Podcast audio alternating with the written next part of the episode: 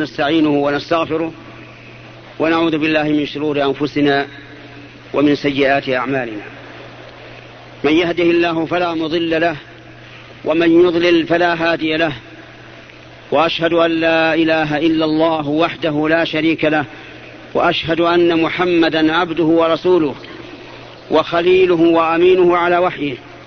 أرسله الله تعالى بين يدي الساعة بشيرا ونذيرا. وداعيا إلى الله بإذنه وسراجا منيرا. فبلغ الرسالة وأدى الأمانة ونصح الأمة وجاهد في الله حق جهاده حتى أتاه اليقين. بل إنه وهو في سياق الموت كان صلى الله عليه وسلم يوصي أمته ويحذرها أوصاها بالصلاة وما ملكت الأيمان. فقال الصلاة الصلاة وما ملكت أيمانكم. وحذرها مما ينافي مما ينافي التوحيد ويكون ذريعة للشرك. فقال وهو في سياق الموت صلوات الله وسلامه عليه لعنة الله على اليهود والنصارى اتخذوا قبور أنبيائهم مساجد. فانظر يا أخي إلى هذا النصح العظيم من هذا النبي الكريم. ينصح أمته فيأمرها بما ينفعها ويحذرها عما يضرها وهو في سياق الموت فصلوات الله وسلامه عليه. ونسأله تعالى أن يجزيه عنا خير ما جزى نبيا عن أمته وأن يحشرنا وإياكم في زمرته وأن يدخلنا في شفاعته وأن يسقينا من حوضه وأن يجمعنا به في جنات النعيم مع الذين أنعم الله عليهم من النبيين والصديقين والشهداء والصالحين.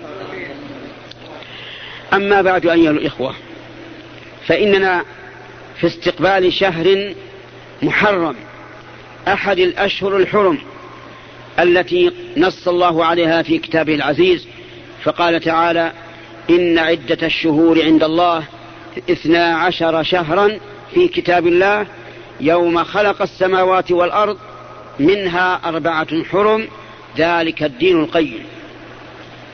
هذه الأربعة الحرم بينها النبي صلى الله عليه وعلى آله وسلم بأنها ثلاثة متوالية وواحد منفرد.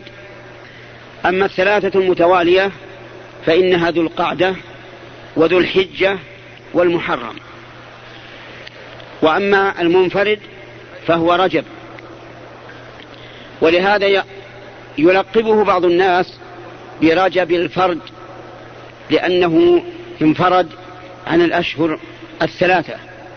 وإنما كانت هذه الأشهر الثلاثة حرما لأن الناس يقصدون فيها بيت الله عز وجل فذو القعدة والمحرم للسفر إلى البيت وذو الحجة لأداء مشاعر الحج ولهذا بل لأداء شعائر الحج ولهذا كانت حرما يحرم القتال فيها وتخص بعناية في تجنب ظلم النفس ولهذا قال فلا تظلموا فيهن أنفسكم. أما رجب فكانوا في الجاهلية يعظمونه ويأتون فيه بالعمرة. ولكن النبي صلى الله عليه وعلى آله وسلم جعل بدل العمرة في رجب جعل بدلها في رمضان. فقال صلى الله عليه وعلى آله وسلم عمرة في رمضان تعدل حجة. عمرة في رمضان تعدل حجة. ولم يعتمر النبي صلى الله عليه وعلى آله وسلم في رجب قط. إنما كان اعتماره في أشهر الحج في ذي القعدة. ولننظر. اعتمر النبي صلى الله عليه وسلم أربع عمر بعد هجرته. أربع عمر فقط بعد هجرته. وتعلمون أنه بقي في المدينة كم سنة؟ كم؟ عشر سنوات ومع ذلك لم يعتمر إلا ثلاث مرات. عمرتان قبل فتح مكة وعمرتان بعد فتح مكة. العمرتان اللتان قبل فتح مكة هما الأولى عمرة الحديبية. عمرة الحديبية وهي أن النبي صلى الله عليه وسلم اعتمر وكان معه في تلك العمرة ألف وأربعمائة رجل. ألف وأربعمائة. وأحرموا من ذي الحليفة. وقادوا معهم النعم والإبل يهدونها إلى البيت الحرام. ولما وصل إلى الحديبية عند حدود الحرم منعه المشركون. قالوا لا يمكن تدخل. لماذا؟ لأنهم يقولون نحن أولياء الحرم. ولا يمكن أن تدخل حرمنا فيتحدث العرب أننا أخذنا ضغطة. يعني غصب علينا. وجرى بينهم وبين الرسول عليه الصلاة والسلام الصلح الذي يعرفه كثير منكم. ومنه من شروط الصلح أن يرجع الرسول عليه الصلاة والسلام. يرجع. بعد أن قال لبيك اللهم لبيك لبيك عمرة. بعد أن ساق معه الهدي ليتقرب إلى الله بذبحه في الحرم يرجع. بعد أن لبس ثياب الإحرام يحلها. لا يلبس ثياب الإحرام. كان هذا الشرط من أصعب ما يكون على المسلمين. حتى أن عمر قال يا رسول الله ألست تحدثنا أننا ندخل الحرم ونطوف به؟ قال بلى. لكن هل قلت لك هذا العام؟ قال لا. قال إنك آتيه ومطوف به. اللهم صل وسلم عليه. فعمر عمر حتى أتاه وطاف به. أما العمرة الثانية فهي التي تسمى عمرة القضية. وهذه أيضا قبل فتح مكة. كانت في السنة من يعرف. السابعة لأن عمرة الحديبية في السنة السادسة في ذي القعدة. وهذه في السنة السابعة في ذي القعدة. اعتمر النبي عليه الصلاة والسلام ودخل مكة ولم تسمح له قريش إلا أن يبقى ثلاثة أيام. وإني أسألكم أيها الإخوة من أحق بالبيت ومن أولياء البيت؟ أجيبوا يا جماعة. الرسول عليه الصلاة والسلام وأصحابه قال الله تعالى عن قريش وما كانوا أولياءه. إن أولياؤه إلا المتقون. لم يبق في عمرة القضاء إلا ثلاثة أيام فقط. ولما أتم الثلاثة قالوا يلا امشي يا محمد ارجع هذا وهو أحق الناس بالبيت صلوات الله وسلامه عليه. لكنه مع ذلك أوفى الناس بالشروط. لا أحد أوفى منه بالشروط. كان بينه وبين قريش شرط وأمضاه. هذه العمرة تسمى إيه؟ عمرة القضية أو عمرة القضاء. وقد فهم بعض الناس أن تسميتها بعمرة القضاء هو أن النبي صلى الله عليه وعلى آله وسلم قضى عمرته الأولى. التي صد عن إتمامها. وبنوا على ذلك أن من صد عن الحرم وجب عليه أن يقضيها أن يقضي ما صد عنه. ولكن هذا غلط. هذا وإن قاله بعض العلماء فإنه غلط. وإنما سميت عمرة القضاء أو القضية من باب المقاضاة يعني المعاهدة. كما جاء في الصلح هذا ما قاضى عليه محمد. فهي من المقاضاة وليست من القضاء. ولهذا لم يأتي في هذه العمرة جميع الذين أحصروا عن عمرة الحديبية. مما يدل على أنها ليست عمرة قضاء بالمعنى الذي يفهمه كثير من الفقهاء ولكنها عمرة القضية من المقاضاة لا من القضاء.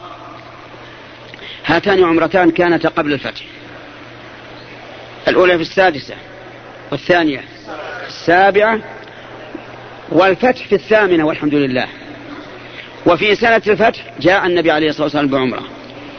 فإن النبي صلى الله عليه وعلى آله وسلم لما فتح مكة وخرج إلى الطائف في غزوة حنين وكتب الله له النصر.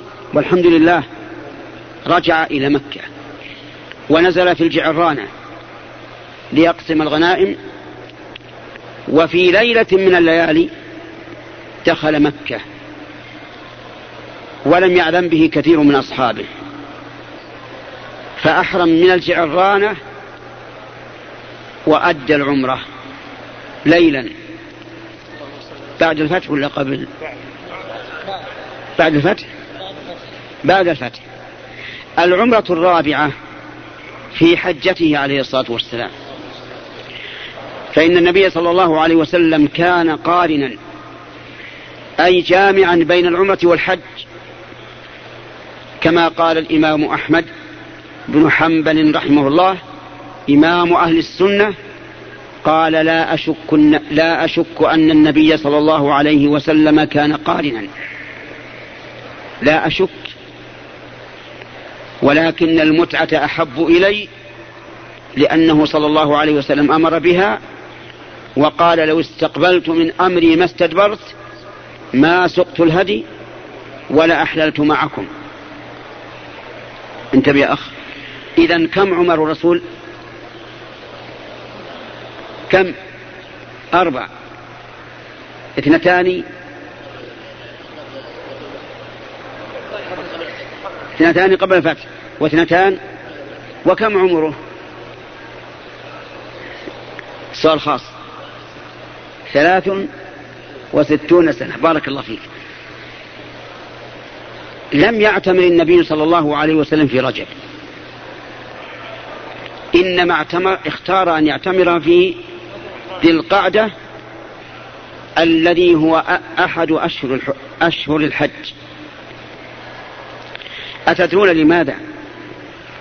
لأنهم كانوا في الجاهلية يرون أن العمرة في أشهر الحج من أفجر الفجور.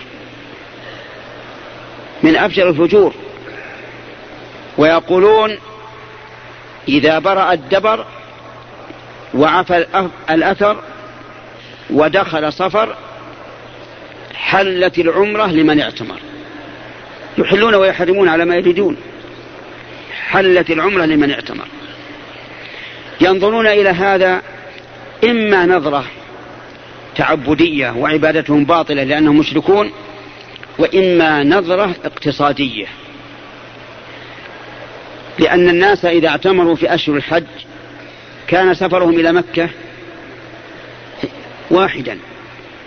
لكن إذا قيل اعتمروا في رجب ودعوا أشهر الحج للحج صار هناك موسمان لأهل مكة. ما هما؟ رجب وأشهر الحج. ولكن محمد رسول الله الذي يريد أن يهدم ما كانت الجاهلية عليه عدل عن العمرة في, في رجب. واعتمر في, في أشهر الحج حتى يقرر في النفوس أن العمرة في الحج لا بأس بها. ولهذا قال ابن القيم رحمه الله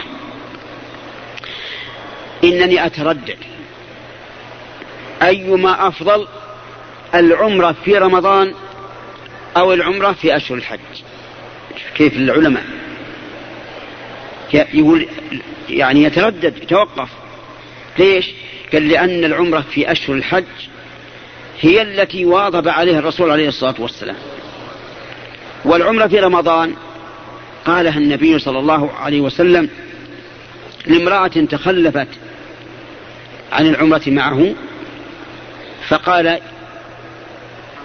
عمرة في رمضان تعدل حجة كأنه يخاطب هذه المرأة. في احتمال لكن الصحيح العموم أن عمرة في رمضان تعدل حجة.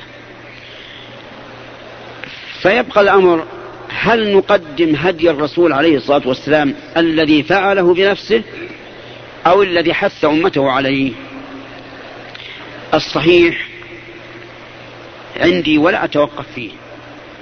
أن نقدم الهدي الذي حث عليه وهو أن عمرة في رمضان أفضل من ذي القعدة أو شوال أو ذي الحجة أو ذي الحجة. طيب. غرضي بهذا أن بعض الناس طلبا منهم للخير لكن جهلا منهم يعظمون شهر رجب أكثر مما يعظمون غيره من الشهور مع أن شهر رجب شهر واحد من كم شهر؟ من أربعة من أربعة الأشهر الحرم أربعة. لا يمتاز عنها بشيء. حتى إن الأحاديث الواردة في فضله. كما نص على ذلك العلماء ابن حجر في تبيين العجب مما ورد في فضل رجب وغيره من العلماء. وكشيخ الإسلام رحمه الله في اقتضاء الصراط المستقيم مخالفة أصحاب الجحيم. الأحاديث الواردة في فضل رجب غالبها إما موضوع وإلا ضعيف. إما موضوع وإما ضعيف. قال شيخ الإسلام في, في اقتضاء الصراط المستقيم وأجود ما روي في رجب قول النبي صلى الله عليه وسلم إذا دخل رجب اللهم بارك لنا في رجب وشعبان وبلغنا رمضان. يقول هذا أحسن ما فيه من الحديث الواردة في فضله. هذا على أن في هذا الحديث اللهم بارك لنا في رجب وشعبان وبلغنا رمضان. فيه مقال أيضا. فمن العلماء من قدح فيه. أما سوى ذلك فلا. ولهذا لا يخص رجب بصيام يعني لو قال الإنسان بخص رجب بصيام أصوم من بين من بين الأشهر قلنا هذا لا لا يصح. لا يصح. ولعل قائلا يقول كيف تقول لنا لا تصومون في رم... في في في رجب. أليس الصوم. اختصه الله لنفسه حتى قال الصوم لي وأنا أجزي به. والجواب؟ جواب. بلى. كيف تنهانا عنه؟ أقول أنا لا أنهاكم عنه. صم يوما وأفطر يوما في كل السنة. وأقول هذا أفضل الصيام. لكن تخص رجب بصوم وإمامنا ورسولنا محمد صلى الله عليه وسلم لم يخصه؟ أأنت تشرع العبادة لعباد الله؟ لا تخصه بالصيام. طيب بقيام. ليلة الرغائب. الرغائب ليلة أول جمعة من رجب. يصلون فيها صلاة تبلغ ألف ركعة أو شبه ذلك. نعم. مع ظني أن الذي يصلي ألف ركعة في ليلة سوف يصليها بلا طمأنينة. ولا لا؟ وإذا صلاها بلا طمأنينة فهل يكون مصليا؟ لا. ولهذا لما صلى رجل في مسجد النبي صلى الله عليه وسلم وجاء وسلم على الرسول صلى الله عليه وسلم. قال ارجع. ارجع فصل فإنك لم تصل. وهو صلى. قاموا ركعوا سجدوا قعدوا وسلم. قال ارجع فصلي فإنك لم تصلي. لماذا نفى الصلاة عنه؟ لأنه لم يطمئن. لأنه لم يطمئن فيها. هذه الصلاة بدعة. ولا يجوز للإنسان أن يتعبد لله بها. إلا أن يسلك قول الرسول عليه الصلاة والسلام كل بدعة إيش؟ ضلالة. كل ضلالة في النار. هل منا أحد يحب أن يسلك طريق ضلالة؟ نعم. لا والله. كلنا نقول في الصلاة اللهم أتني بمن هديت اللهم اغفر لي وارحمني واهدني.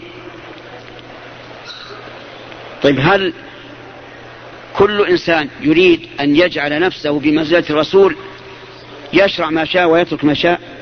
ابدا. نحن عبيد لله. متبعون لرسول الله صلى الله عليه وسلم. فما كان الرسول عليه الصلاة والسلام يخص رجب لا بصيام ولا بصلاة ولا بعمرة. كثير من الناس بل أو بعض كثير منهم يخصون رجب بزيارة قبر النبي عليه الصلاة والسلام ويشدون إليه الرحل إلى هذه الزيارة مع أن شد الرحل لزيارة القبور ليست مشروعة بل هي إما مكروهة وإما محرمة. أما أن تكون قربة وفي شهر معين فهذا ظلمات بعضها فوق بعض. أصل شد الرحل للزيارة على وجه التقرب إلى الله بدعة. ثم تخصيص ذلك برجب بدعة أخرى. والإنسان المؤمن ماذا يريد من العبادة يا أخواني يريد التقرب إلى الله عز وجل. يريد أن يكون مع الذين أنعم الله عليهم. هكذا يريد. فإذا كانت العبادة بدعة فاعلم أنها لا تزيدك من الله إلا بعدا. كل بدعة مهما حسنت في قلوب أصحابها مهما رقت قلوبهم لها مهما دمعت عيونهم لها فإنها لا تزيدهم من الله إلا بعدا. وانتبه يا أخي لذلك. إن الشيطان يجري من ابن آدم مجرى الدم. فإذا حسن لك هذه العبادة فزنها بميزان قسط يا عبد الله. وين رايح؟ زنها بميزان قسط. ما هو الميزان؟ الكتاب والسنة. هل دل عليه كتاب الله؟ فعلى عين والرأس. هل دلت عليها سنة رسول الله؟ فعلى عين والراس. طيب إذا قال قائل إيتوا لنا بنهي عن إفراد صوم رجب. عندكم نهي؟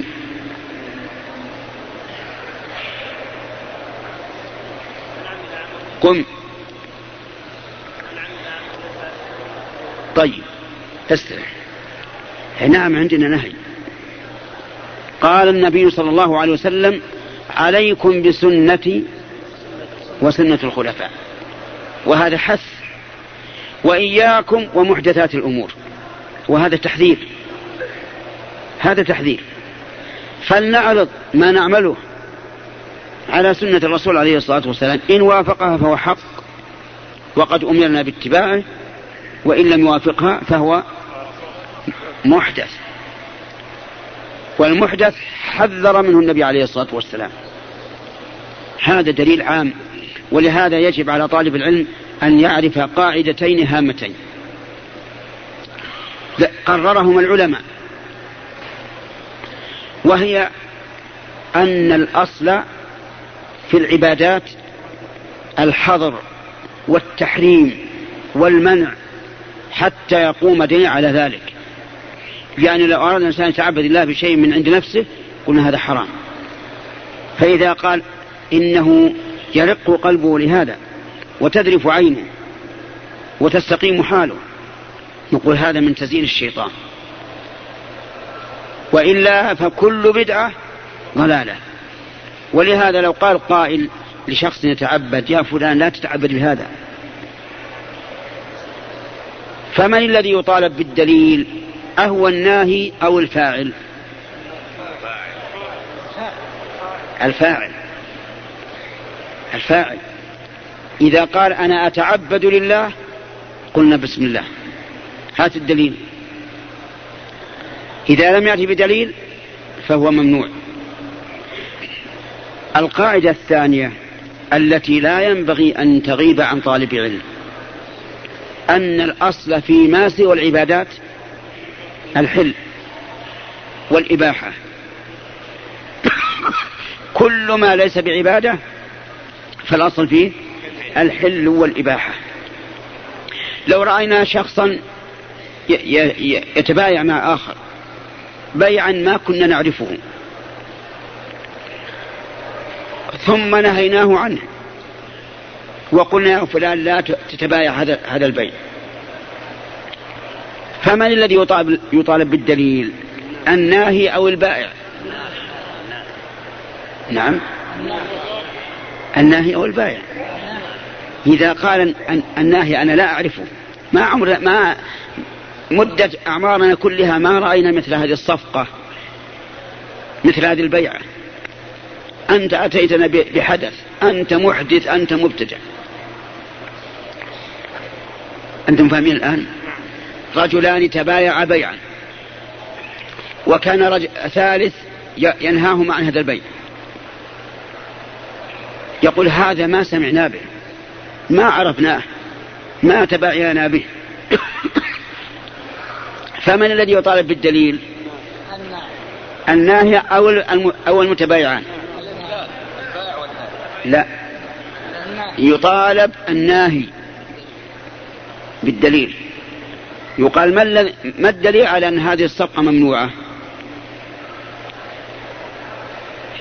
إذا قال الناهي اسمع للحجة إذا قال الناهي ما سمعنا هذا ولا عرفنا هذا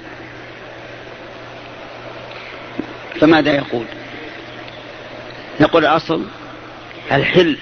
قال الله تعالى وأحل الله البيع وحرم الربا.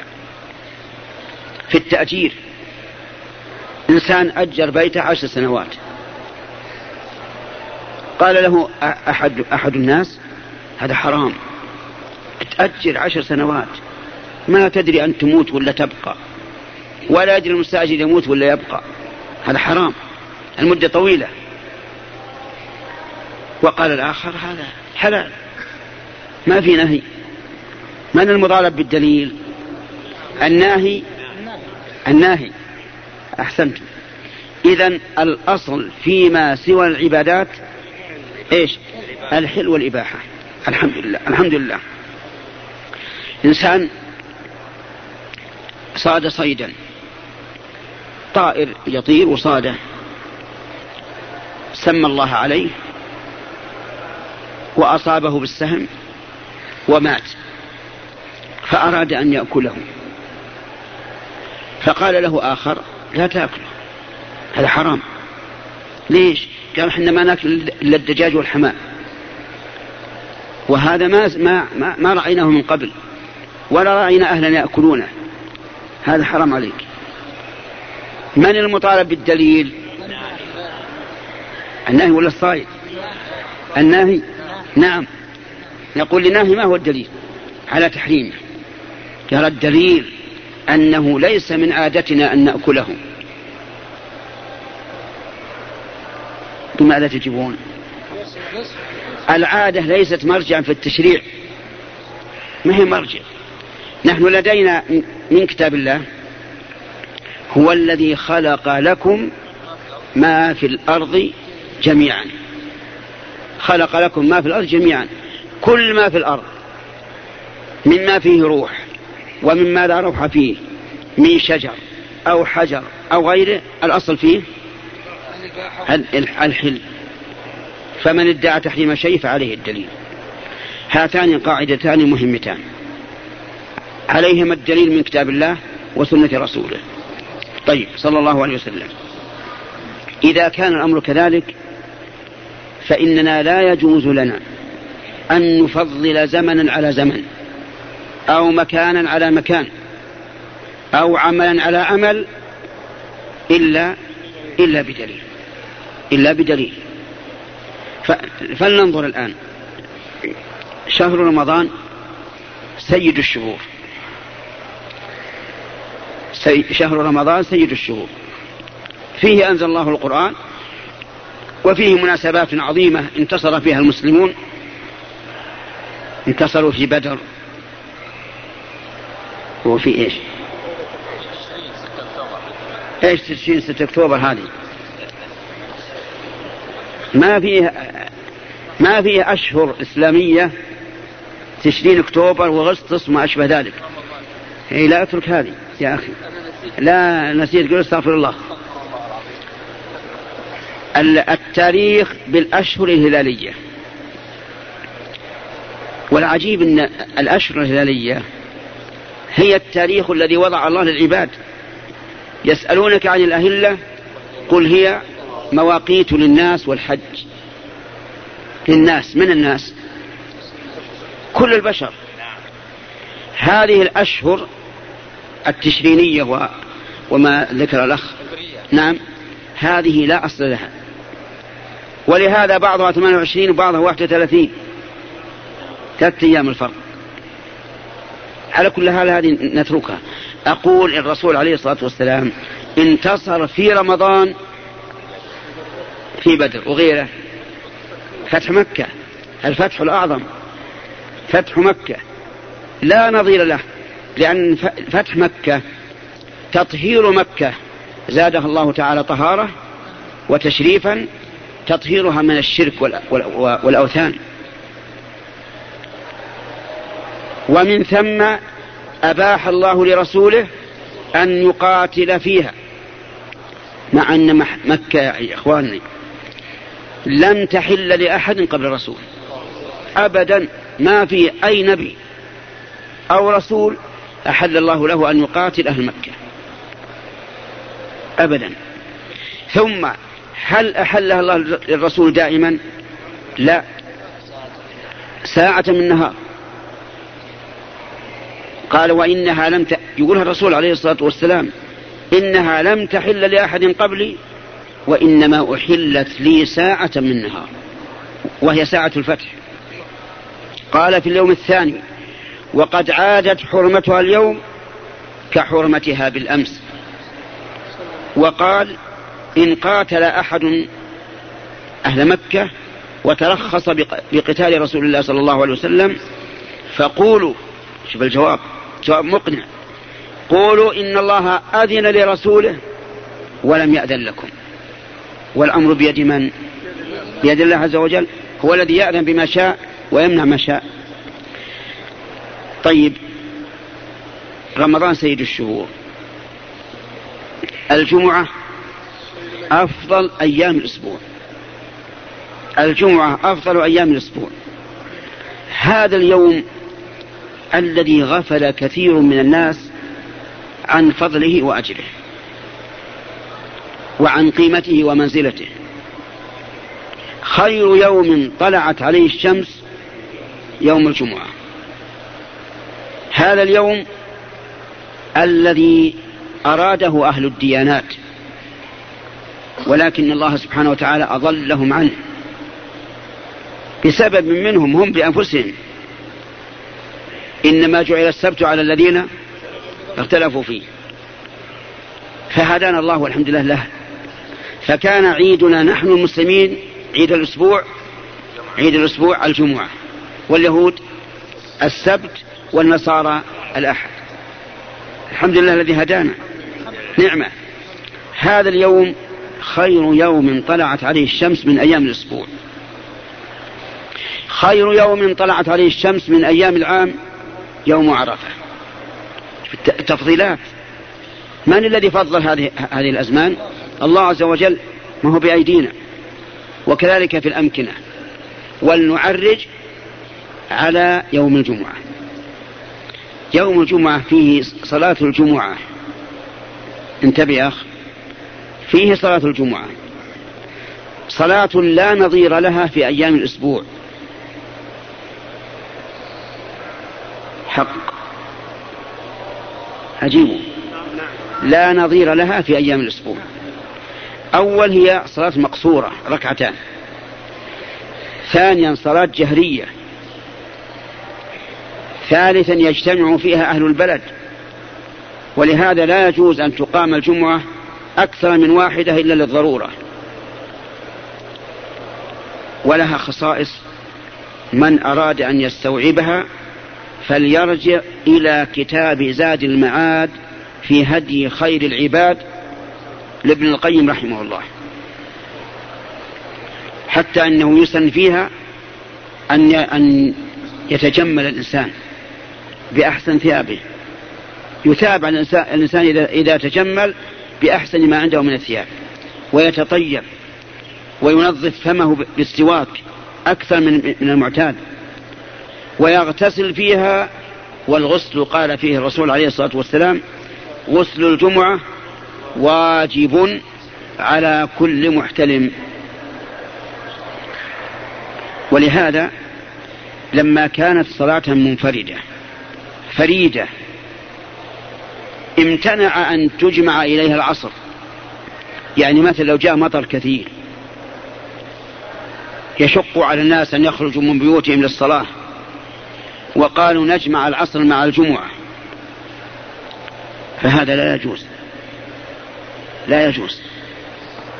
وكذلك لو كان الإنسان مسافرا وصلى الجمعة وهو يريد أن يواصل السفر فلا يجمع العصر إليها لأنها صلاة منفردة ليس لها نظير. دل على ذلك السنة والأصل. دل على ذلك السنة والأصل. ما هي السنة؟ استمع. قال عبد الله بن مسعود ابن عباس رضي الله قال عبد الله بن عباس رضي الله عنهما. جمع النبي صلى الله عليه وسلم في المدينة بين الظهر والعصر وبين المغرب والعشاء من غير خوف ولا مطر. وهل ذكر الجمعة؟ مع أن المطر الذي يأتي في الظهر في, في غير الجمعة يأتي في الجمعة. الذي يأتي في, في يوم الخميس والأربعاء والأحد والسبت يأتي في الجمعة. ولم يجمع النبي عليه الصلاة والسلام بينها وبين العصر. هذه هذه هذه دلالة السنة. الأصل الأصل أن كل عبادة تفعل في الوقت الذي حدده الشرع. والعصر لها وقت محدد معين. فالأصل فعلها في الوقت. وتقديمها على وقتها لا يجوز إلا بإذن من الشارع. ولم يأذن الشارع أن نصلي العصر مع الجمعة. وقد حصرت الفروق بين الجمعة والظهر فبلغت أكثر من ثلاثين موضعا. الفروق بينهما. ومن ثم لو قال قائل نقيس جمع العصر إلى الجمعة بجمع العصر إلى الظهر قلنا يمتنع القياس. لأن من شرط القياس تساوي الأصل والفرع. ومع هذه الفروق العظيمة لا يمكن أن يلحق الفرع بالأصل. في الأمكنة الأمكنة فضل الله بعضها على بعض. فما هو أفضل مكان على وجه الأرض؟ اللي يعرف يرفع يده.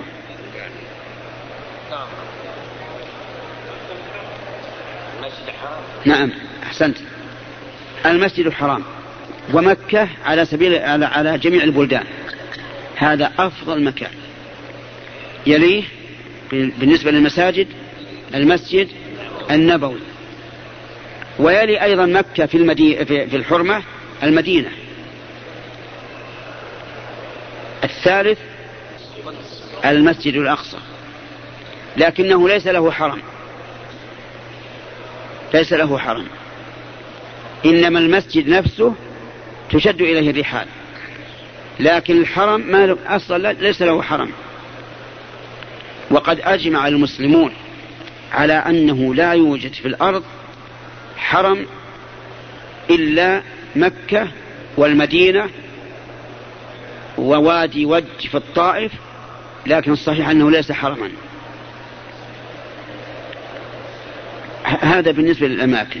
في غير هذه المس... الأماكن الثلاثة أي ما هو أفضل مكان في البلد؟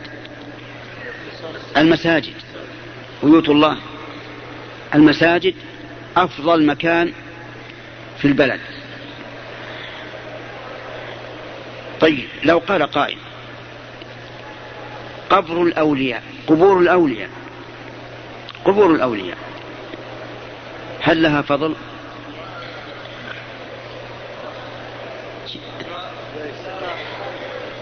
يعني الجواب كأنه لين جدا. لا. بملء الفم ولا بجانب من الفم؟ بملء الفم. ليس لها فضيلة. إن كان هناك فضيلة فهي خاصة في صاحب القبر يفسد لا ما هو الرسول يا أخي. فهي خاصة بصاحب القبر. يفسح للمؤمن في قبره مد البصر ويأتيه من الجنة من ريحها ونعيمها. لكن نفس المكان ما فيه. ولهذا من ذهب إلى ما يقول إنه قبر ولي من أجل أن يدعو الله عنده فهو مبتدع ضال. إذا كنت تريد أن تدعو في المكان المحبوب إلى الله فادعو في المساجد. هذا إذا سلمنا أن هذا الرجل من أولياء الله. وما ادعي فيه أنه من أولياء الله من أصحاب القبور فإن ذلك يحتاج إلى أمرين. انتبه أخي. وخله مع قاعدة. تناظر بها هؤلاء الذين يعظمون القبور.